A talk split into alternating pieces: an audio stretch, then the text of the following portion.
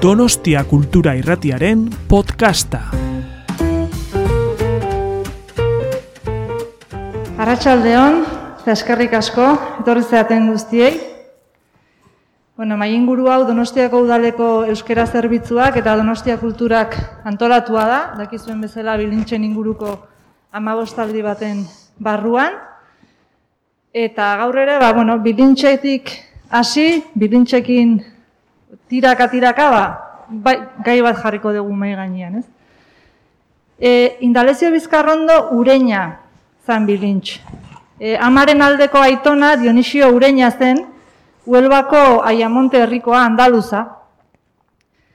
Dionisio ureina irutan ezkondu zen eta alargundu, iruretan, irualdietan emakume donostiarrekin, eta bilintxen ama irugarren ezkontza hortako alabazan. Ordun, bueno, bilintxek aitona andaluzazun. Berez, etzun ezagutu aitona, ze bilintx jaio baino hilabete batzuk lehenago hiltzen Dionisio ureina, Eta ordun ez dakigu Aitona Andaluzaren itzalik sumatze ote zitzaion bilintxi. Baina seguru dakiguna da bilintxi izan zala, ba, Aitona Andaluza izan zuen bertsolari aparta, ez? E, Xabier Amuriza ekarriko dut gogora, aste honetan justu larogei urte bete ditu, zorionduko dugu hemendik. Larogeian jantzizun Euskal Herriko lehendabiziko txapela Xabier Amurizak, Eta ordurako mai gainean jarriazun, ba garai hartan pitzadura desente sortze zitun gai bat, ez? Zala bertsolaria jaio ala egin egiten da, ez? E, bertso eskolen sorrera hortze zegon, Amurizak bertso eskolen sorrera hori bultzatu zuen eta beha irakurritako hitz batzuk ekarriko ditut gogora, honea. Beak esatezun ni ez omen nintzen berezko bertsolaria, liburuko bertsolaria omen nintzen, depositoko ura, ez berezko iturrikoa. Mito hori bazegoen eta gerora ere jarraitu zuen. Bertxotan ikas zitekeen edo ez ikamika horretan hiru eztabaida ziren nagusiak. Lehendabizikoa bertsolariak berezko ote zuen doaia edo ikasi ote zitekeen. Bigarrena euskaldun berriak bertsolari izan ote zitezkeen eta hirugarrena emakumeak bertsolari izan ote zitezkeen. Alegia, bertsolari zeinek eta nola izan behar zuen eta duen, ez da luzea eta arantzatsua da, zurruna, eta galdera da, kabian euskerarik ez duena izan aldaiteke bertsolaria, erdaretatik bertxotara egin aldaiteke bidea, hori da pixkat gaur mai gainean jarriko dugun galdera, eta hemen ditugu e, privilegi, privilegiozko hiru lekuko hauek badakite zer dan erdaretatik bertxotara egitea, Jon Euria Albizuri, Algortarra, Albe Bertso Eskolako kidea. Gurasoak euskaliztunak dira, emezortzi urte zituztela hasi euskera ikasten, baina familiaren gehiengoa ez da euskalduna. Bere alboan Jon Maia Soria, urretxun jaioa eta zumaian hasia, bertsolarita sortzaile ezaguna.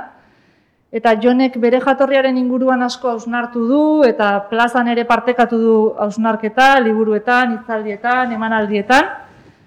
Eta aitor serbiar etxetxuri, azkain darra, gurasoak ez dute euskeraz egiten, baina oso garbi izan zuten aitorri euskera eman nahi ziotela, eta dagoeneko lau urte zituela, aitari euskerako, euskerazko hitzak irakasten saiatzen zen aitor ikusi hitzau zein ederra esanez. Orduan, orain ja zuentzako da hitza, ez? Konta eguzue pixka bat, zuen kabian orakoa zen. Bagatez egon euskerarik, zein zan e, zuen kabian hizkuntza, jatorria. Nahi duen hasi da dila. Nahi duen neurrita doina. Ziko naiz, ni nahi baduzu. Eh, Bueno, nik eh, egia da nahi bada sortzia bizen Euskaldun segurazki eukiko ditu dela, edo behintzat eh, arbasoak ez dukat inor e, kanpotik etorritakoa, eta hala ere, e, ez da egit badaukadan arbaso Euskaldunik nire guraso ez aparte. Orduan, bueno, e, askotan ematen du, erdaratatik etortzeko kanpotik etorri hor dela, baina Euskal Herrian bertan ere e, gerta daiteke hori, Eta, bueno, zuk esan duzu bezala, nik kabian bai, izan dute euskera, kabia ulertuta etxe edo familia nuklearra bezala, ba, gurasoek amazortzi urtekin ikasi zutelako, eta guri etxean beti euskera egin dutelako, baina bueno, familiaren beste izeba, osaba, lenguzu, lenguzina gehienak e, ez dira euskaldunak.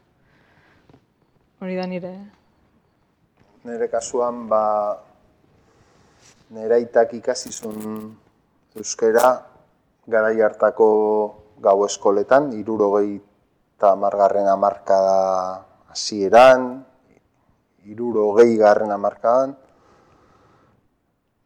ni jaiotzeako ba, euskera seinalizateko. Baina gero ba, ama, ama ere urtetan ibili da euskaltegitan eta urte desentetan gainera, baina ez du jauzi hori egin edo ez salto hori hitz egitera eta ordun gure etxean ba, gaztelera zitzein izan dugu beti. Eta esaterako nera nahiagetanik gaztelera zitze egiten du numetan eta ikastolan ere gazteleraz egiten genuen, ze urretxuta sumarragan, ba, emigrazio handia egon da, Frankoren garai hartan, hogei urtetan, ba, sumarragan esaterako, 2000 eta bosteun biztanletik ama 2000 pasa, pasa ziren, hogei urtetan. Alegia bertakoak e, lautik bat izatera pasa ziren, hogei urteko epe labur hortan. Orduan bat, gu bezalako asko zeuden ikastolan eta gazteleraz egiten genuen. Eta kalian jolastian ere gazteleraz. Hortik kanpo, ba, e, izeba, osaba, iton, amona, bai aitaren aldetik etorri ziren, agurretxu zumarra gara, bai amaren aldetik, bi aldetatik etorri ziralako, dena gazteleraz. Eta hori, niretzat normal, normala zan. Eta hori izan nire giroa. Eta normala izan zen, sumai arajun nintzen arte. Han konturatu nintzen mundua etzala horrela. Baina hori da nire kabila edo nire hasierako ingurunea hori da. Bai, jonek zioenari loturik, nik ere gutxi gora bera ahbasoen erdia edo bertakoa izanen dut, beste erdia frantses estatutik etorria, Baina oroa nire familiaren historia ere bada, em, Euskararen transmisio kate horren e, etenaren historia batez. E, bai amaren partetik, bai aitaren partetik, e, bi haitatxi eta bi hamatxi gehienek Euskaraz zekiten. Eta kate hori eten zen, iaia, ba, gure beronaldi iraino, e, lenguzu, lenguzina gehienek Euskaraz, Euskaraz dakiten ere kasuan bezala. Em, hor egontzelako, ba, belaunaldi baten autu kontziente bat, e, amagoia kasiran azaldu duen bezala, urrengo belaunaldiari euskara ematekoa, eta erran nezake, gaur egun e, Ipar Euskal Herrian badirudi ere, pizkanak, balin badirudi ere, pizkanak ikastolak ere normalizatzen doa zela, oraindik ere, laro gehiagarren, laro markadaren bukaeran, egon zela harako bigarren bulkada kolektibo bat, e, ikastolak zabaltzeko, geroz eta erri gehiagotara, eta horren e, seme alabak ere bagara nolabait. Eta agian e, ahigarria suertahan daitekena da, e, gurasoek egin zuten gixan e, ni euskarara, ni ikastora barkatu igortzeko autokontziente bat, ba, bere garaian egin zutela, e, ni bertso eskolara joan nendin e, alako urratx bat eta edo alako proposamen bat, ume gehienen antzena nik futbolean jokatzen nuen, eta zortzi bederatzi urterekin ba, gurasoek bertso eskolako ateak ireki zizkidaten, bazutelako bertsoaren entzutea, naiz eta oso garbi etzeukaten zertzen, eta seguraski iduritzen zitzaien ni e, seme bakarra nahi zen enean, eta intzuzen ere etxean Euskararik entzuten denuen enean, izan zitekela ez, aukera bat, arnazgune bat, Euskaraz bizi izateko, hizkuntza bera ere lantzeko, mia eta baltaldiz hitz egin dugu horretaz ez, e,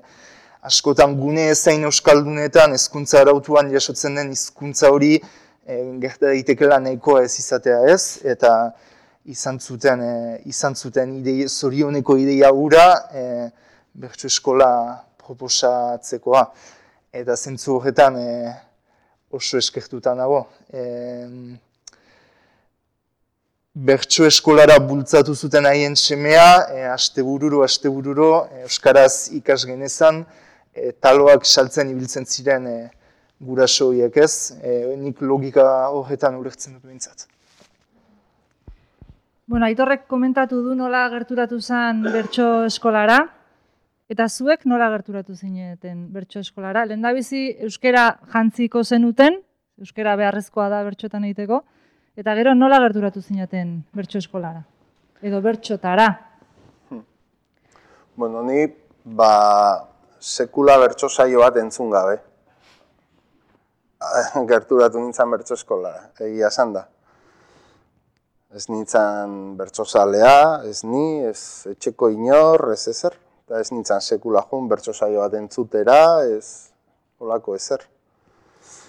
Eta nire kasuan izan zen, ba, suertea izan gendula Zumaian, Zumaiako ikastolan, okerrez banago, Zumaiako ikastola izan zen, Euskal Herriko lehenengoa, edo, berdin du, lehenengoa ez bada ere, e, irakaskuntza arautuan bertsolaritza lantzen hasi zana. Kasualidadez, Juanito Dorronsoro izeneko gizon bat, eta hundik Zumaiara bizitzera etorri zalago, e, apaiz. Eta bertso eskola, o Zumaiako ikastolan idazkari lanetan hasi zan, eta bera proposatu zuen e, bertsolaritza lantzen hastea. E, ikastolako ordutegian, astean behin. E, irakasle askoren eta zuzendaritzako askoren eritziaren kontra. Hori zertarako erakutzi behar da hori, ez da? Hori zertara dator bertsolaritza, ez? Hori gaina da oso bazterreko gauza bat, ez da? Eta zorionez, berak landu zitun lehenengo bertso liburuak ere, eskolan bertsolaritza lantzeko, bertxotan bat eta bertxotan bi izeneko liburu potoloiek, partiturak, bertso, bertso bilketak egin zitun hemenetan, eta bertsolarien historiak, abenturak, doinuak, hori dana oso oso liburu kompletoak, kasetekin ere bai, e, grabaketekin. Eta orduan ba, hori aplikatu zitzaigun, da, ba, neri asko gustatzen zitzaidan irakurtzia eta idaztia, amar urtekin, amaika urtekin, nire demora libre dana irakurtzen pasatzen duen los Hollister, los cinco, los tres investigadores, los gemelos, los oietanak, eta, eta ba, bertxota, bertxoak egiten ikasi gendun, e, klase horietan, eta izugarri gustatu zitzaidan, nire pentsamentuak adieraztieko modu bazan, eta gauzak esateko modu bazan, eta hori gustatu zitzaidan. Eta maite mindu nintzen, ba, Juanito kontatze zizkigun bertsolari zarren ibilera hoiekin, eta memoriz ikaste genitun bertso sortak, eta bertsolaritza klasikotik e, zaletu nintzen, inoiz bertso berririk entzun gabe. Ba, Etxaun, Iparragirre, Xenpela, Rudarregi, Otaino, Txirrita, Peio Errota, eta klasiko guzti hoiek hoiekin liluratuta hasi nintzen bertxotan. Eta gero ja ba, ikastolan gustatuta ba, amaika urtekin, bertso eskolan eman nun izena, oraindik gazteleraz pentsatzen nula.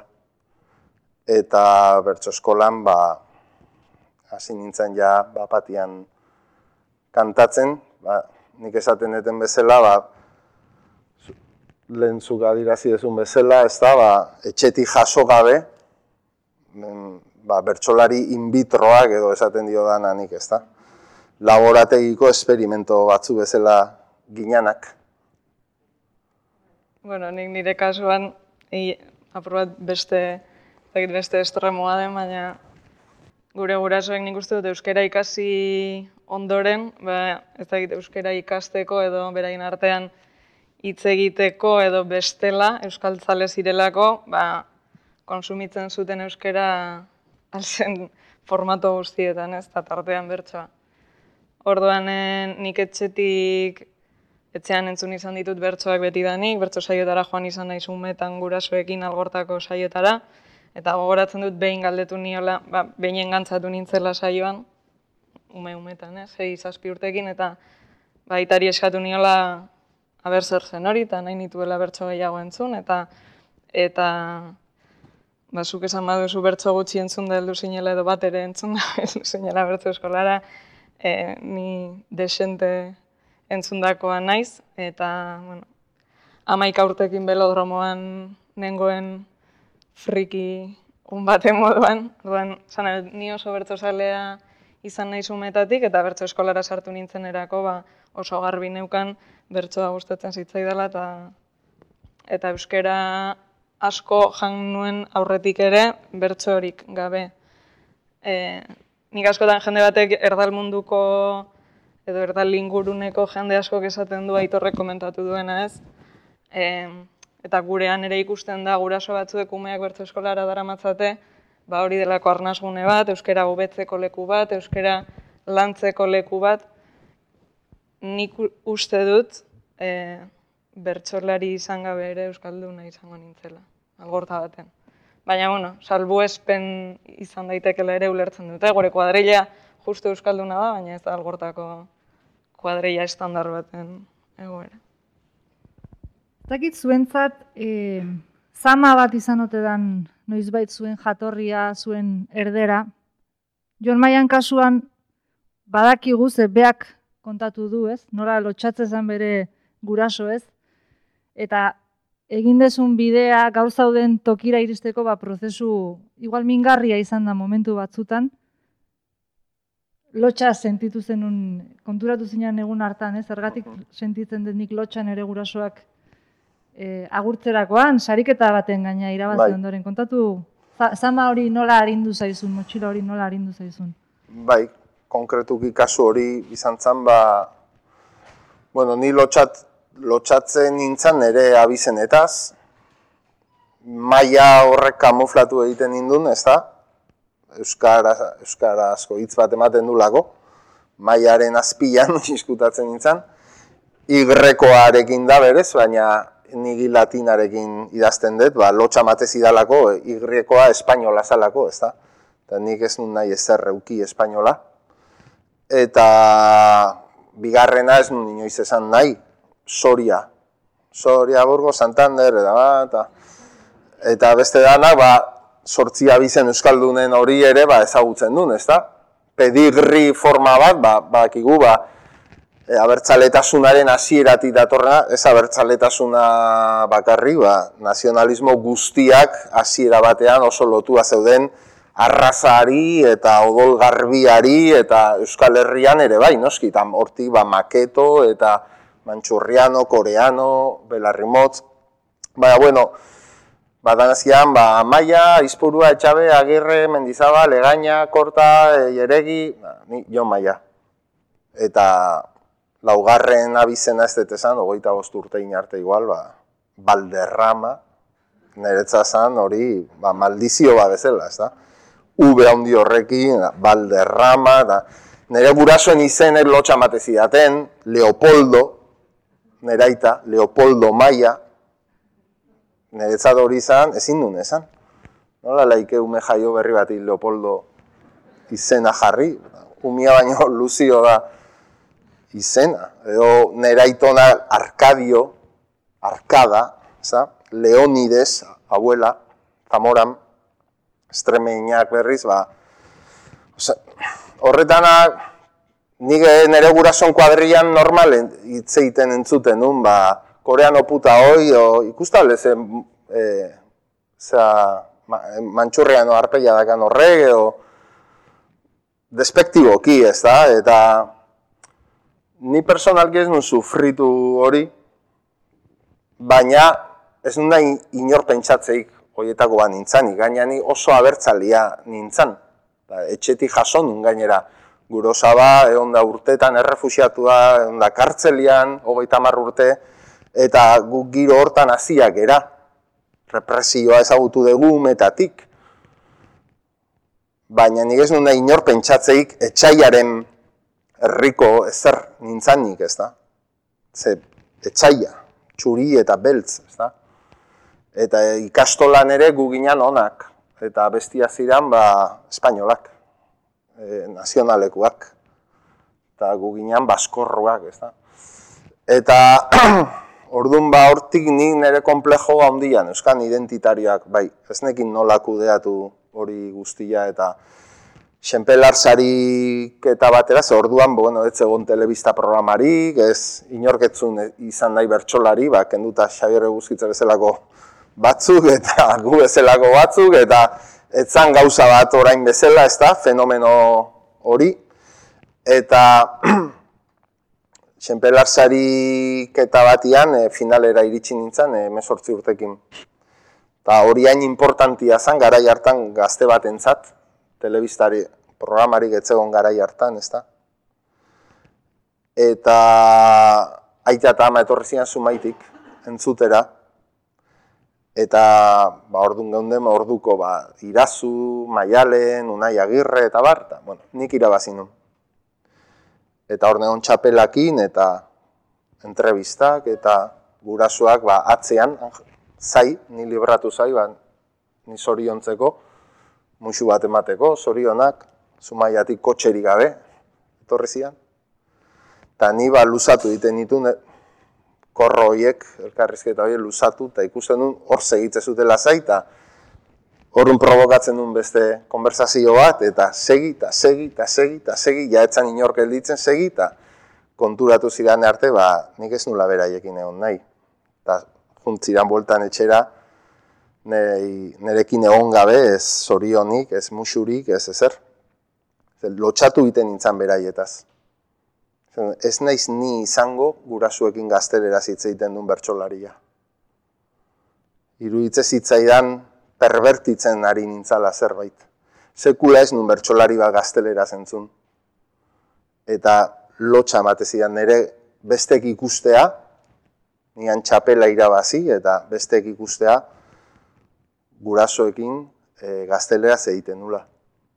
Eta orduan, aita ama ukatzera edo retxazatzera e, ailegatu naiz. Aitor, zure kasuan, zure gurasoek esana da, ez? E, bertxoetan ikusten zaituztenean, naiz da ez ulertu, ze esatezun, zuri begiraia, keinoei begira bakarrik badakitela ondo edo gaizki ari zaren, ez? Ze polita. Bai, bai, hori amak kondatzen zuen zuen batez ere ez. E, amak aitak baino zeuze gehiago ulertzen du, gutxu bera jarritako gaia eta kokatzeko, kokatzeko gai da, eta garai bateko bertso saiben ondutik beti alakoak kondatzen zizkidan ez. Ziugenik eskolarteko garaiko bertso sabioi buruz arituko zen, eta egia da, nerabetan eta gure urduritasun keinuak eta imintzio salati horiek oso nabarmenak izaten direla. E, Piska bat joni egindako galderaren ariari tiraka, nik bere garaian nahiko modu naturalean bizi nuen e, gurasoak erdaldunak izatea. E, atzera begiratutan ikusten dut gure e, ikastolako kuadriakoen artean gehienen gurasoak ez zirela, ez zirela euskaldunak. E, Bertxe eskolan e, kopuruak batekoz bestera aldatuko ziren, eh? baina guk hori uste du nahiko modu naturalean bizi genuela eta behar, nik behar izan nuen ba, besteen begi eta belarrien e, ez dakit, e, iritzi, iritzi hori eta eta beranduago iritsi ziren iruzkin batzuk horren kontzientzia hartzeko.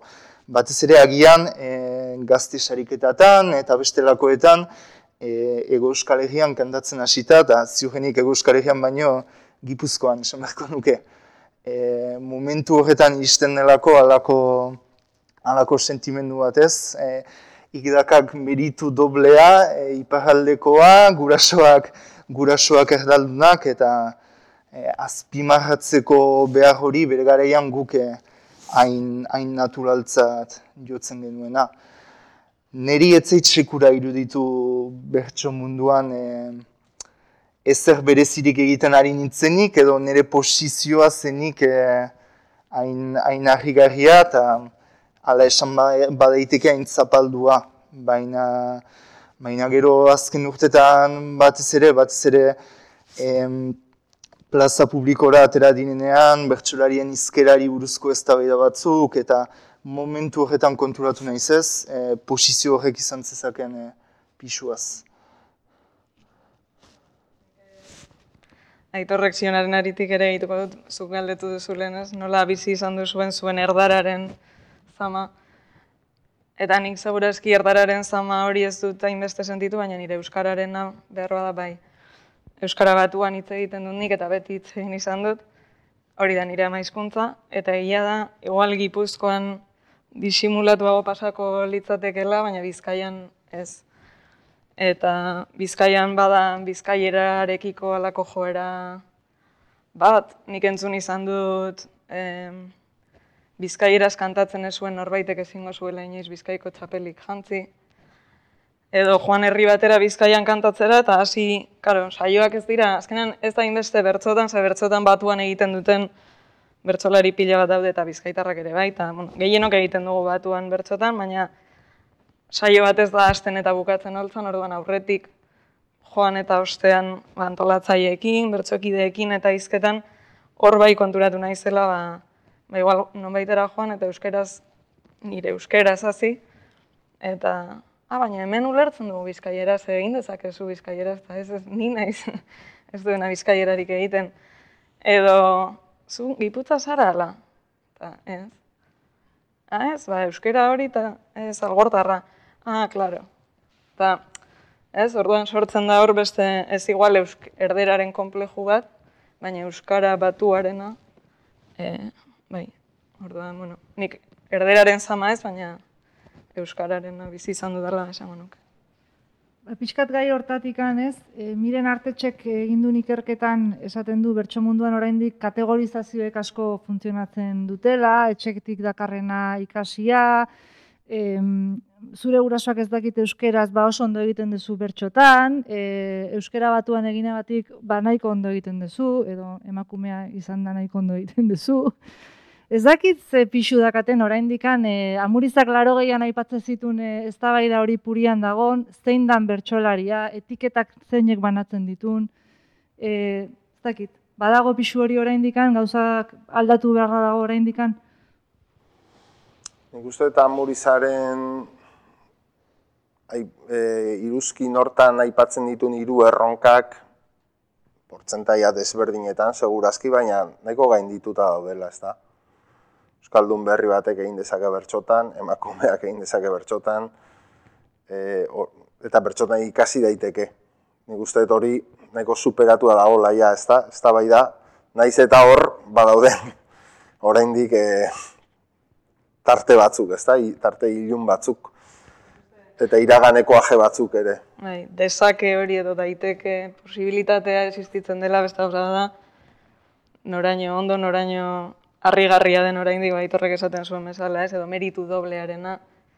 Bueno, nik uste onartzen dela, ba, Xabier Amorizak bota zituen hiru horiek erabat gaindituta daudela zentzu baten, hau da, posible da bagaudelako, evidentea da. Baina badaudela oraindik atzetik nik uste, ba, bueno, eh, horra Xavier hori galdetzera heldu bazen zeo zergatik izango zen eta ba oraindik badaudela horratzen zer batzuk. Dala, ba, gauza guztiek prozesu bat dute, ezerrez da goizetik gauera aldatzen, eta prozesu hortan, ba, bueno, izotzarteko bide bat zabaltzeko ere, ba, izotzak urtu behar dira, pixkanaka, bidea zabaltzen doa, behar bada batzuk aurreti doaz, eta denok egokitu behar dugu, ez da? E, ez ja identitatearen e, bazertzan estandarra bertsolari batengan, noski ni ez nintzen estandarra, gutxiago Gipuzkoan eta orain dela hogeita hamabost ber, e, urte hogeita hamar urte, ez, da, ez nintzen estandarra. Nik askoz gehiago kantatu dut Bizkaian urte askotan Gipuzkoan baino, algortan zer esanik ez. Nik hernanin kantatzerago, oze aman, ozaldibin, bueno, ni ez naiz inoiz hor jendearen favorito bat izan, ezta? Eta hori hola izan da, molde batzu daudelako lendik. Eta prestigioa gauza batzu dute, ba, azkar kantatzea, freskotasuna, e, izkuntzaren ezagizera bilera, ba, hor daude lendi datozen gauzak, ezta? Eta, eta normala da, normala da, ze horrela izan da beti. Da, ni, ni orduan aserretu iten nintzen batzutan, txapelketaetako nire zenbait emaitzakin, puntuaketekin, eta zan, ostra, hauek, ez dute baloratzen. Bueno, baina beraien lekuan jartzen ba naiz orain, ez da, epaile hoien lekuan, edo, bertozale haien lekuan ere, ni zer nintzen beraientzat. Martziano bat, nire euskera plastiko horrekin, nire referentzia kultural estraño horiekin, ni zer nintzen, ez da, beraientzat eretzan erresa da.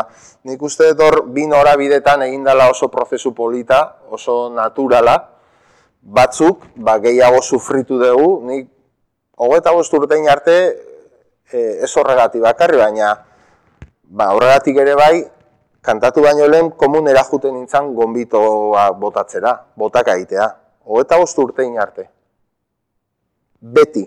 Beti da, egunetik, egun, ez atoki arte mainoren komunian botak aiten nun. Niretzat hori izan esamin bat. Nik ez nun gozatzen bertxotan. Nik askotan ez nitun gaiak ulertzen. Ez negin zer esan. Nere bizitza ez zegoen hor. Nere giroa, nere unibersoa, nere rolla, nere droga euskal herri ura, nere gatazkak institutokuak, e, e, ez zeuden, normalian, eta nik etxea bueltatzen nintzen, eta ni zer egiten dut, ez dut konektatzen, esaten nun. Eta igual usten nun kuadria tabernan, barrikada, lapoia, ertzainak, zikatri dentzuten, juten nintzen amezketako frontoira, eta ez nuen ikusten inor nerantzekoik ez, ez aldamenian, ez aurrian, ez gaia jartzen, ez gero epailetan, ez... Baina nik ulertzen dut, ba ni berrian nintzen, ez da? jarri nion izan burua liburuari, berria jaio ginen. Xenpelarri erantzunez, jaioko dira berriak, gu gera euskal herriak, bai, berria jaio gera, baina gaina berria jaio gara, osea, e, atzetik tradizio hori gabe eta nik ulertzen dugu pixka bat, o ni behintzat, ba, nahiko martzianoan nintzala e, panorama hartan, ez da? Eta hori, ba, bai, molde establezitu batzuekin iten dezu topo, baina alderantziz ere oso interesantia izan da, ikustea Sebastian Lizaso gaztetxetara nola sartu dan, edo Josea Gerre nola sartu zan gazte jaialditara edo hori ere izan da, ez da? Direzi hortan eta orduan ni naturaltzat hartzen ditut prozesu hauek gero bakoitza pasa behar izan duna, ba hori ja norberaren historia da.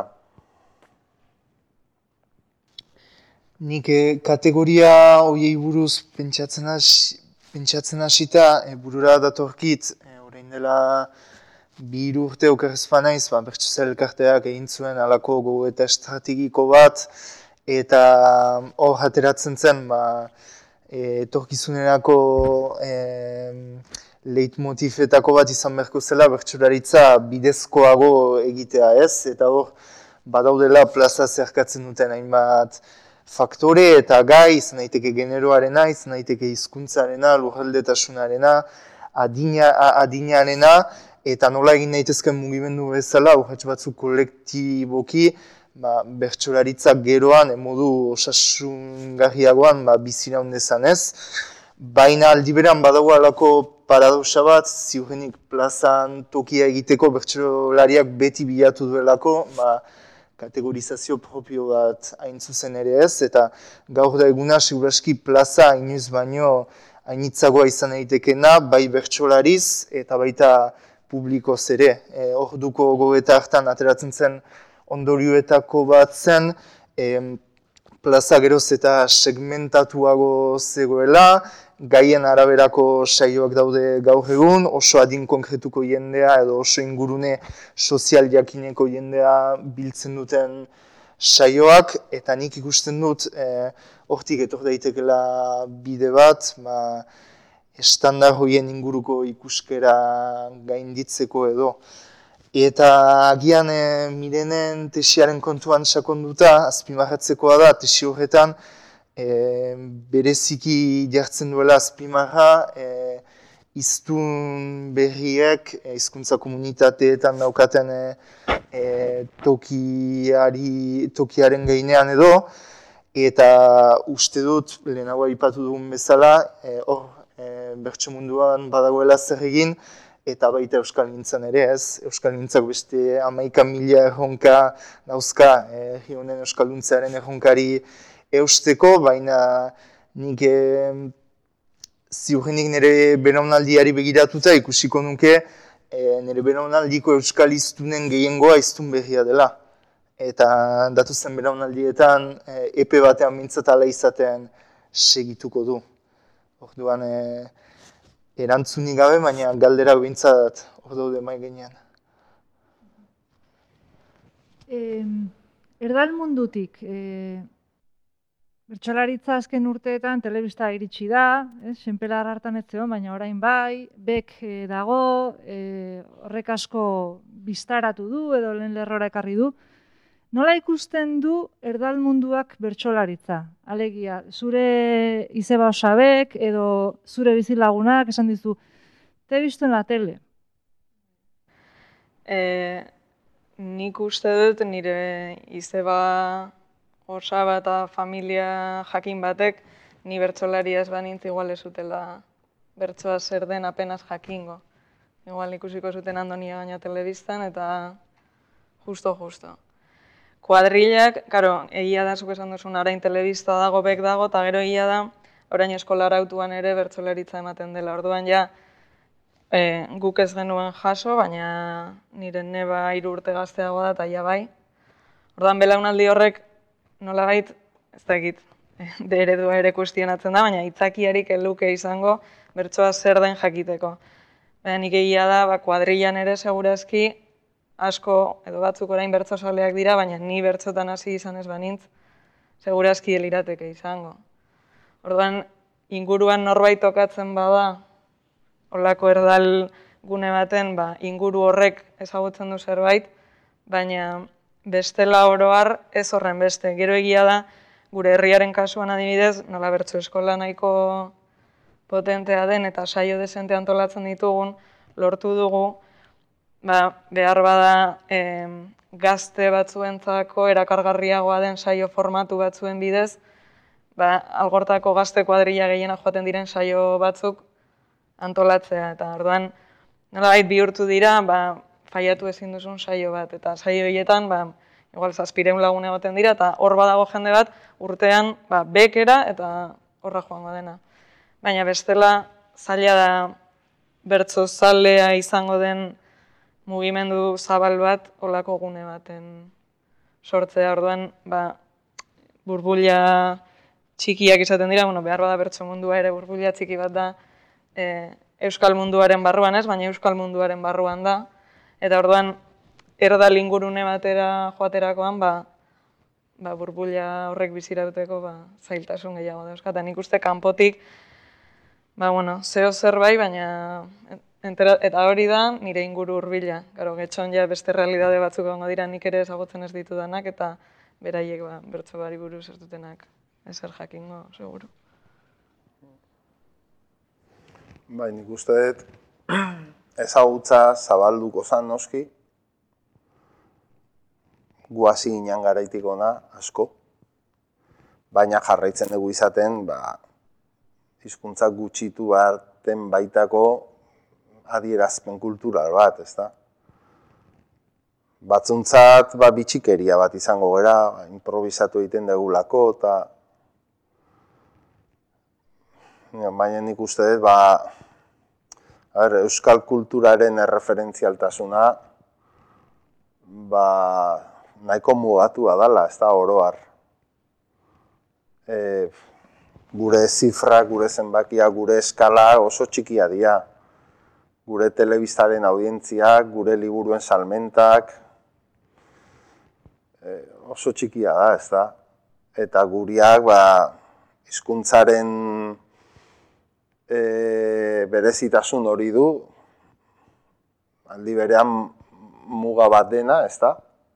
E, muga bat, edo, behintzat, ba, Euskara hutsez den zerbait da, horrek bere gauza honak baditu, noski.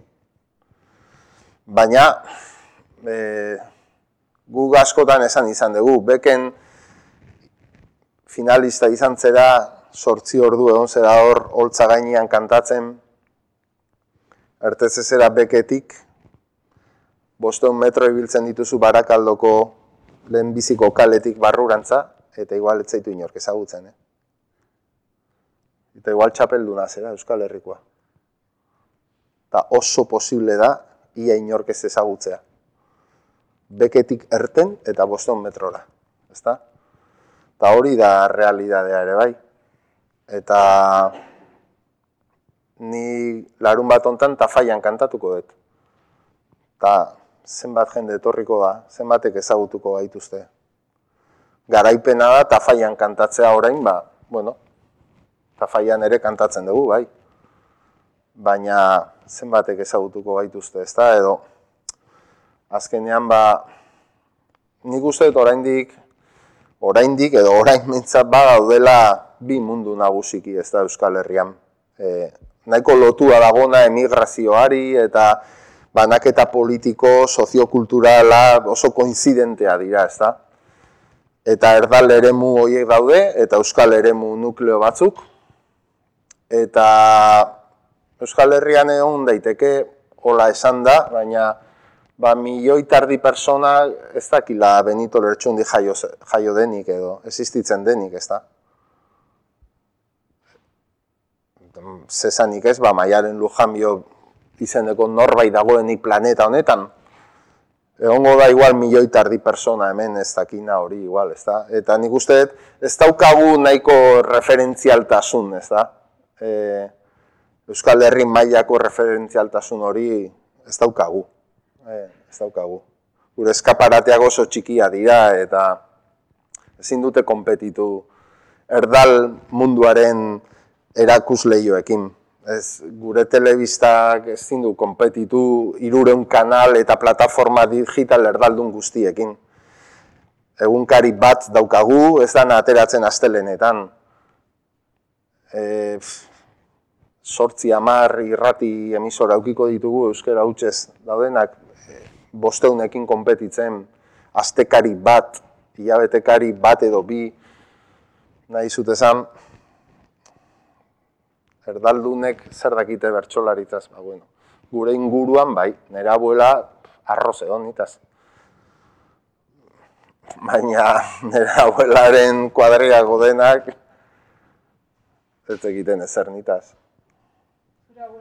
Zura abuelak ze esate zizun? Nera abuela bide gorrian gelditze zuten, jo, tu nieto ayer en la tele. Nera abuelak esatezun, pero qué mustios, qué, qué, estáis como en un funeral ahí cantando, pero ¿cómo le puede gustar eso a la gente? Con la alegría que tenemos nosotros. Estáis ahí como todos, mustios. Eta gero esatezun, dile al legaña que se retire.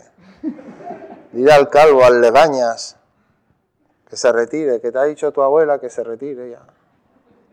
Baina bazekin honen azala, bazekin. bazekin. Ya se nota, eh, que es el mejor, ya se nota. Baina bai.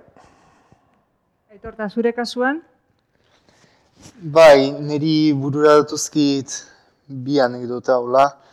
E, Bertsolariak plazan e, jakin, jakin behar du kantatzen e, baita izea kontra daukanean ere, e, festa batzuetan e, kriston zarata dagoenean, e, publikoaren erdiak baino entzuten etzaituenean, baina erdal mundua zari bagara, guri tokatu zaigu ez gutxitan kantatzea, e, publikoaren gehiengoak Euskaraz ez dakien tokietan. Horre, horrek dakarren guztiarekin eta norberak sentitzen dituen e, muga eta iaia lotxa guztiekin ez. Eta enago oso arro, e, gaur eta hemen aitortuko dut, baina plaza horiek utzi izan ditut. Urte, urte pare batean joan eta urrengoetan e, deiei erantzunez. Hori eia pekatu bada bertso munduan, baina iduritu izan zaigu toki batzuetan, ba, gutxieneko baldintzak, hizkuntzari lotutak asonetan, e, ez zirela inundik inora ere betetzen, eta gure lanarekiko errespetu hori ez zegoela, ez zegoela behmatuta. Eta bigarren anekdota izan, izanen litzateke, e, Baionako festei loturiko kontu bat, urteetan egin zuen bohoka, ba, Ipar Euskal Herriko Euskal Kulturerakundeak, e, Baionako besten irekiera ekitaldian, balkoian, bertsolari bat egon zedin, e, frantsesezko amabost itzartzeekin eta gasko irazko kantu, kantu batekin batera ez. Eta nire bertan egon nintzen, amazazpi urterekin, antxe, e, hogeita bat mila pertsonaren entzinean ere bertsoa botatzen, bos minutu lehenago e, publikoaren zati handi bat Marseiesa kandatzen aritu ondotik, eta uste du nik kantatu eta bizpairu urtera jada e, ba, idekiera horretako oiko egitara utik kendu zutela bertsoa, eta justifikazio nagusia izan zen e, kontrola ezin zela ez. E, nahiko adibide esanguratsua iduritzen zait. E, kasu honetan, frantsesez mintzo den botere hori iduritu zitzaion, e, toki, toki gehiegi usten zitzaiola, e, Euskaraz eta gainera, e, inor suma ez dezaken mezu batekin e, joanen den, e, e, ez dakit. E, diskurtso, diskurtso hori ez, eta eta uste dut ez diakintasunetik edo mesfidantzatik ikusten gaituztela zentzu horretan, eta e, adibide honekin ageri den bezala politikoki oso lehatuta ere bai. Euskal Herriko txapela irabazi eta hurrengo asteburuan e, futbol partida, bera futbolista zen, endaiako taldean, eta ba zerrez, jo, jokatu eta bestuaria, ba, ba, ba, eta ta gero, bez inorketzekin, bera bertxolaria zen, ibera futbolista zen, e, astero. Endaian eta inguruko partido guztitan, inorketzun ezagutzen. Orduan eskertu nuela algortarra izetez, e, horrengo goratu dut, e, zestoan, nik amiretzi urtekin lehenengo aldiz Euskal Herriko txapelketako saio baten kantatu behar nuen, eta kartzelan usue alberdik. Zaten, jo, ez etxarra azken astea, herrian denak, venga, animo, sorteon, kaletik pasa, eta, haber, larun batean, haber, nik esatu nuen, ba, algortan niri inork ez dit zer esan. Hor bai eskertu nuela, zela zai pasa nuen nik azte Baina, bueno, bere alde hona ere ba. bueno, eta pixkat e, bukatzen juteko, nola ikusten dezuen egoera orain, ez? Erde, erdaretatik bertxotara dijoan bidea xamurrago alda orain, zuek asistinatenean baino, joan pixka lehenago asestan. Zue geroxeago. Bueno, kontatu dituena kontatuta argi dago Jonas izenean baino errezago gula aitorrek eta biok, hori seguro. E, eta, bueno, bai, espero dut urrengoek errezago dutela, baina bai, apurka apurka doan bide bat da, eta, bueno, ez da Baina bai, nik uste jonek Ez igual bakarrik erderarena, e, lehen esan dugun molde hoiena gehiago sofritu zuela behar badakuk baino, gurila berriak jaiota etorri zitzaizkigun eta horrek ere asko erraztu zuen beste gauza askoren artean nik uste emakumeen sarrera eta e, erdal munduko bertzelarien sarrera besteak beste. Igor, bi gauza ikusten ditut, batetik ba, bertso eskolak izan dira nire ustez gakoa ez da, zentzurik honenean demokratizatu zuten bertsolaritza, ez lehen etzalako demokratikoa, baizik. Lehen oinarritze zalako, ba, eremu euskaldun barruko transmisio oso bide bakan eta konkretu batetik, ez da, elikatze. Batzuk ikusi zuten hori agortzen, agortzen ari zala, agortzen, gero eta bertsolari gutxiago, gero eta edadetuagoa, gero eta eta bertsolaritza munduko jendea izan zen, ez, ez kanpotik ez, barruan, batzuk esan zuten guazen zerbait egitera, ez da? Orduan, bertsolaritza bera barrutik jakin izan zuen e, eraberritzen edo detektatzen arriskua eta formula bat asmatzen, ez da? Eta bertsoskolek ez zuten eragin bakarrik, ba ni bezala sekula bertsorik entzun gabeko persona bat bertsotara iristea, baizik eta edo zein e, perfil eta kondiziotako jendean izan ziteken e, futbolzalea, izan ziteken mediku baten alaba, izan ziteken e, bankero baten zera, izan ziteken soldat, bueno, nahet esan, gu gure kultura guztiarekin, gure marrazki bizidunen kulturarekin, gure erro radikalaren kulturarekin, gure komiki, sinema, guk entzute genitun atzerriko musika taldea, The Clash, Sex Pistols, o Dire Straits, o berdin zait, ez da? Hori dana sartu genuen bertxotara. Gure kultur eremu naturala gutako batzurena, ba, gaztetxeak eta mundu alternatibo hori eta era bat kanpo zegoen bertxotatik. Negu gorriak ekin hasi nintzenean kantatzen, beraiei kantak idatzita gero, Fermin Muguruzak esan zidanean, negu gorriaken lehenengo kontzertoan, Euskal Herrian egin zuten lehenengo kontzertoan, ea kantatuko nun, lehenengo erantzuna izan zen, seguru altzaude. Uste ez uni ate behar nahizela horrezen atokira milaka persona horien aurra bertsoa botatzea? Ez da hasiko jendia txistuka? Ez da hasiko jendia gauza botatzen? De repente tipo bat hor musika gabe eta jende horrek etzun bertso egiten zuten. Ez da, eta bertso hop kantuaren fenomenoa ere gonzan. Bueno, orduan bagaje kultural horrekin sartu ginen bertso eskoletatik, ez da, ba, hor ba, modu naturalago batean jaso zutenekin batera. Eta oraingo ba, ea orain errezagoa den edo, ba, nik uste noski baietz, ba, kanal horiek ja ezarrita daude, eta nahiko naturalizatua dago, erdal famili batetik etorrita ere, ba, Euskalduna izatea, nastu egin gera asko, normala da orain e, Nagore Mendizabal Rodríguez edo olako izatea, baina nik askotan pentsatzen dut eta harritu egiten naiz, nola ez degun ikusten beste herrialde batzutako jatorria duten umeak eta gazteak eta bertxotan. Ez bertxotan, ez gai jartzaile, ez epaile, eta askotan ez entzuten ere, ez beltzaranik, ez asiatikorik, ez arabiarrik, ez nola laiken oraindik inor iritsi ez izana, ez da? Horrek zerbait esan nahi du niretzat, ezta?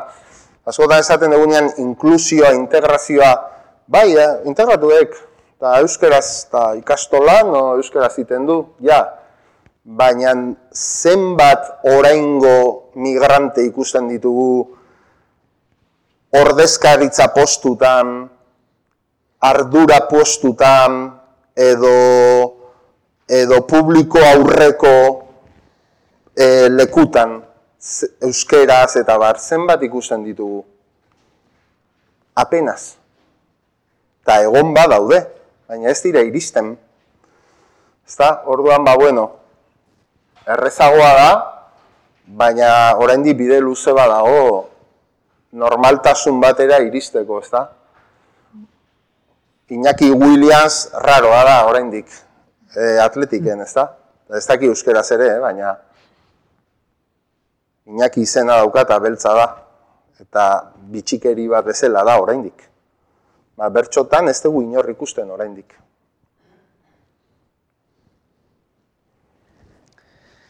Bai, nik e, bertso eskoletan jarriko nukeak eta batez ere, eta erdaretatik bertxotara etortzea zari bagara, e, nik nire bizilekoa zitzeginen dut, gaur egun bai honan bizi naiz, e, Euskal Herriko birigunerik handienetako batean, zeinetan eguneko bost amarrak baino ez duen egiten Euskaraz. Eta uste dut, ia edo nor datorrela kasu horretan erdaretatik bertxotara, eta nik behintzat sinisten dut e, el, e, elkartearen gan, mugimendu bezala, hor dagoen e, sormen, elkarlan eta ambizio mailan esan dezaket, eta bertso eskolek e, eremu hauetan orain arte egiten ari dien lana egiten segitzen barin badute, ba, pilota, futbola, e, solfeoa, eta baita euskal dantzak ere gehienetan frantsesez egiten dituzten e, aur hoientzako ba, lehenago aipatutako arnazgune hori eskaintzen segituko dute ezta. Eta hortik aterako dira bertsolariak, gailertzaileak, epaileak, euskaltzaleak, herri mugimenduko militanteak, eta uste dut hori dela gure ondare nagusia ez, edo bertso eskoletatik ateratzen den fruitu hori. Bueno, ba, mezu baikor honekin. Ez dakit norbaitek kalderaren bat egin nahi ote dun?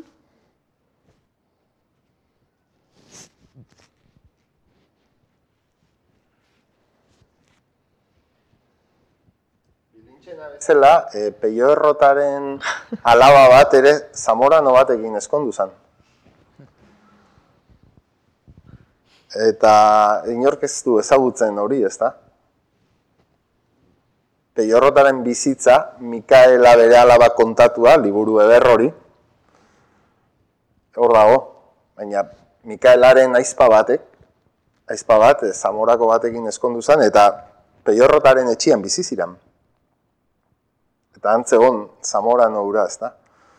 Eta hori ere gustate zait, bilintxe bezala gero Peiorrotak ere, naturaltasun horrekin izan zuten hori, ez da?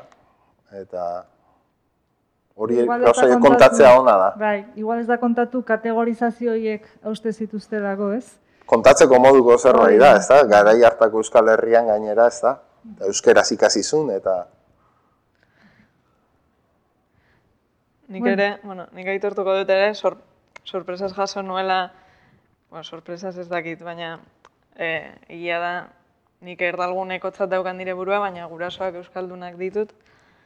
Eta hemen ez dut izenik esango, baina bertzolariak desente daude, eta segurazki imaginatzen duzuena baino gehiago, bi gurasoak erdaldunak ez dakit esaten, baina nintzat bietako bat erdalduna daukatena bai.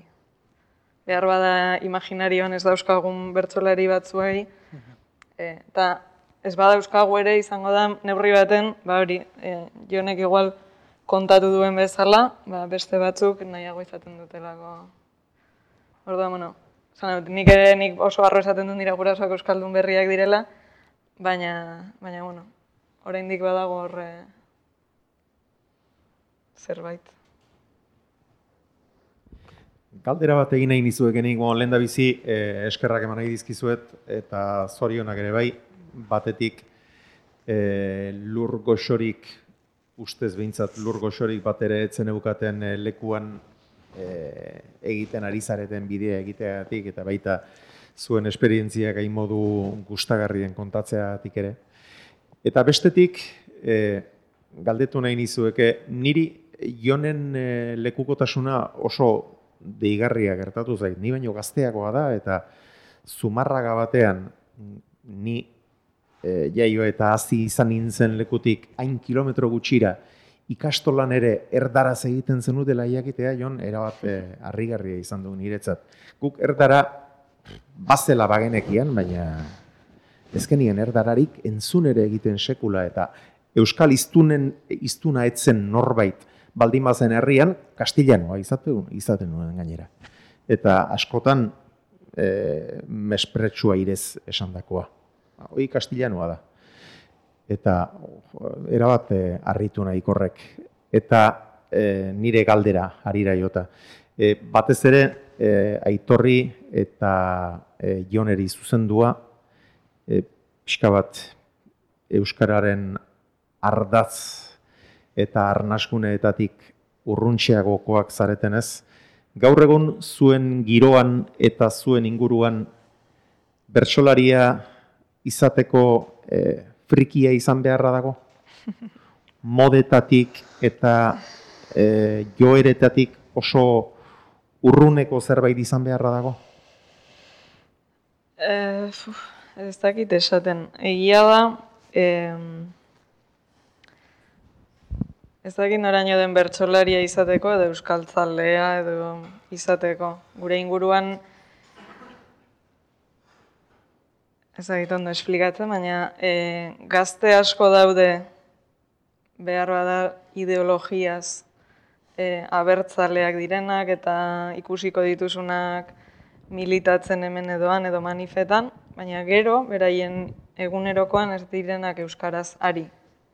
Hori oso normala da algorta baten, oso normala izan da niretzako ikastolan, jonek esan duena, guk ikastolan e, asko entzun dugu erdera. Gur, justo igual gehiagiez, baina inguruan oso normala izan da ikastolan jendea erdara zaritza eta orain algortan ere esaten dizut, ez da ja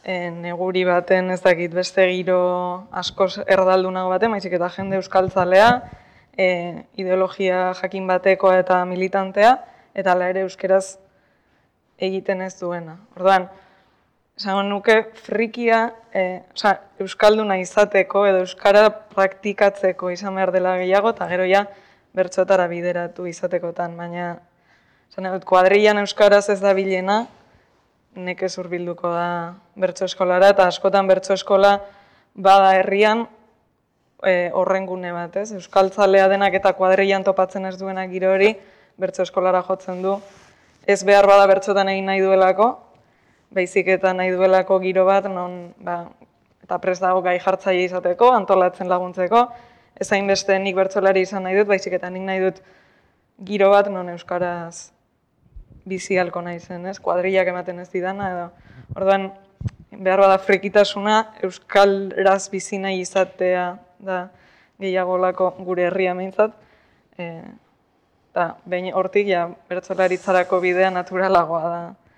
Eh, bestela baina, baina kurioso egin zaite aipatzen zenuen harritu zarela nola jon e, ba, hain kilometro gotxira zuen herrian dena zela euskeraz, eta nik ere bizi izan dut e, Bartzelonan bizi nintzenean eukin nuen oinatiko pisukide bat, eta berak nola ze tristurarekin kontatzen zuen Bilbora ikastera joan zenean, ze bajoi sartu zitzaion Bilboan ezelako euskararik entzuten. Eta, zan baina, zer uste zen nuen, ba, ezagit, goitua gogabde behar bada, baina badago jende bat disgustoa harrapatzen duen aulakoetan, ez da, e, ez egin noraino hori, realidade hori ez den ikusten, ez den ikusi nahi, edo ze, zegatik den, ze guretzako egunerokoa da, baina, baina ez, nire pizukide honek kriston disgustoa harrapatu zuen, eta Bartzelonan japosik zegoen, han katalana entzuten zelako, baina, baina, bai. Bai, Begira, nik eh, izan nuen bolada bat, eta jonek zioenaren zioen gertakari ekin lotuta, e, bertso eskorara joan aurretik launekin frantsesez egiten duena. Eta handik urte batzuetara berriz, e, gure ikastolan, e, taldetxo bat aharoa ginen, Euskaraz egiten genuelako e, jolas garaian, edo ikasgelatik kanpora, kanpora bintzat.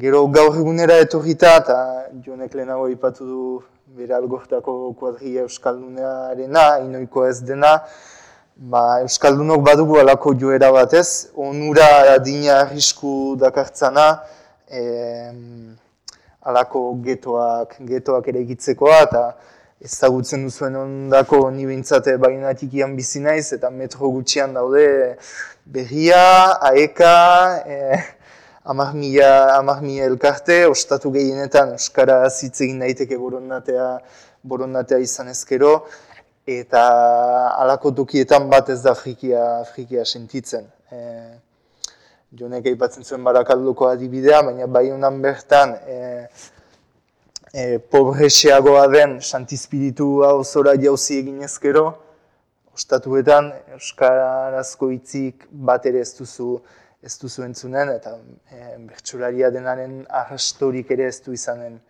inork ere. Hor ere, hainbatetan aipatu dugu gaur, baina realitateak nola alda daitezken, metro gutxitan iaia eta gure paiseia linguistikoa nolakoa den, ezta? Nire ondorioa da ni bertsolaria naizela nire familiaren kontzientziari esker. Eta hori ulertu nuenian hasi nintzen adiskidetzen nire familiaren jatorriakin, kulturakin, nire abizenekin, hori ulertu nuenian.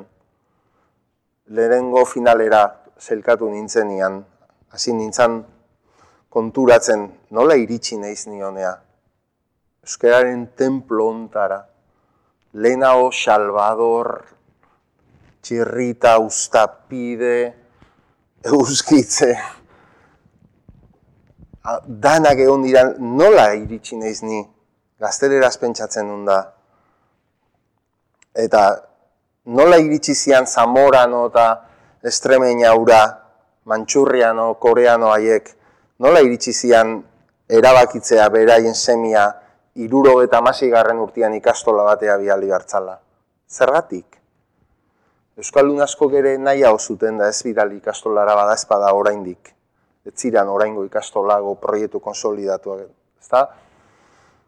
Horun konturatu nintzen, nire abuelo albazetetik, republikanoa eta estremaduratik eta ekarri zituzten balore haiek, handik ekarri zituzten balore haiek, Euskal Herrian ere ezarri zituztela zapalduen bandoan, gutxituen bandoan, Frankoren gara hartan, eta hor erabaki zuten nire seme alabak Euskaldunak izango dira. Hori erabaki zuten nire gurasoek, nire izeba, osabek denek, gut danak era Euskaldunak lenguzu guztiak elkarrekin euskara ziten dugu.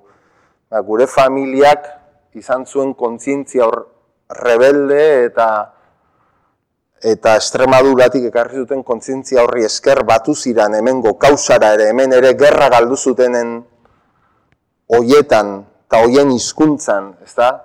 E, ez eginte zen.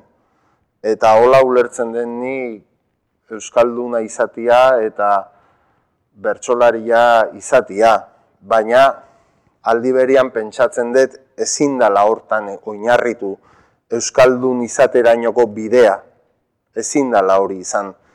Bestela hau izango da, etengabeko geto eta etengabeko resistentzia ariketa bat.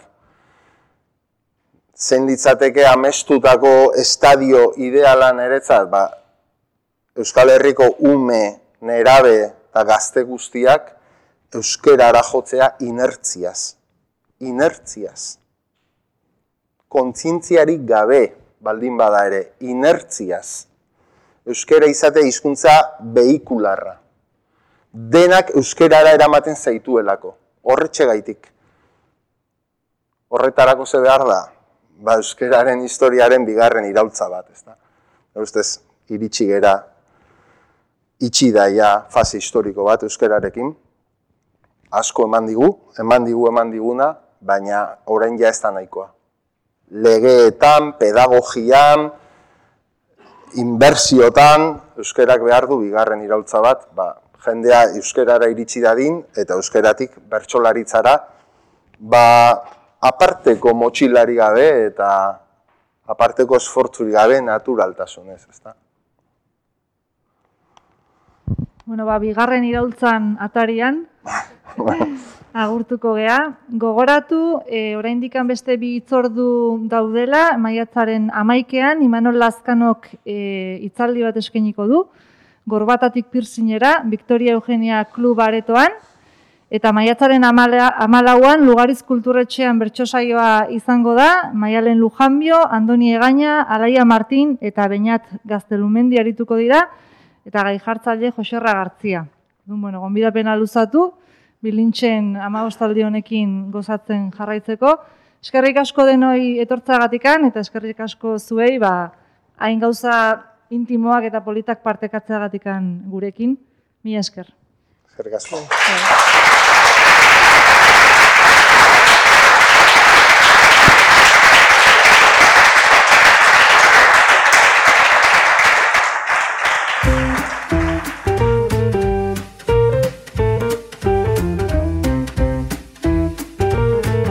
Donostia Kultura Irratiaren podcasta.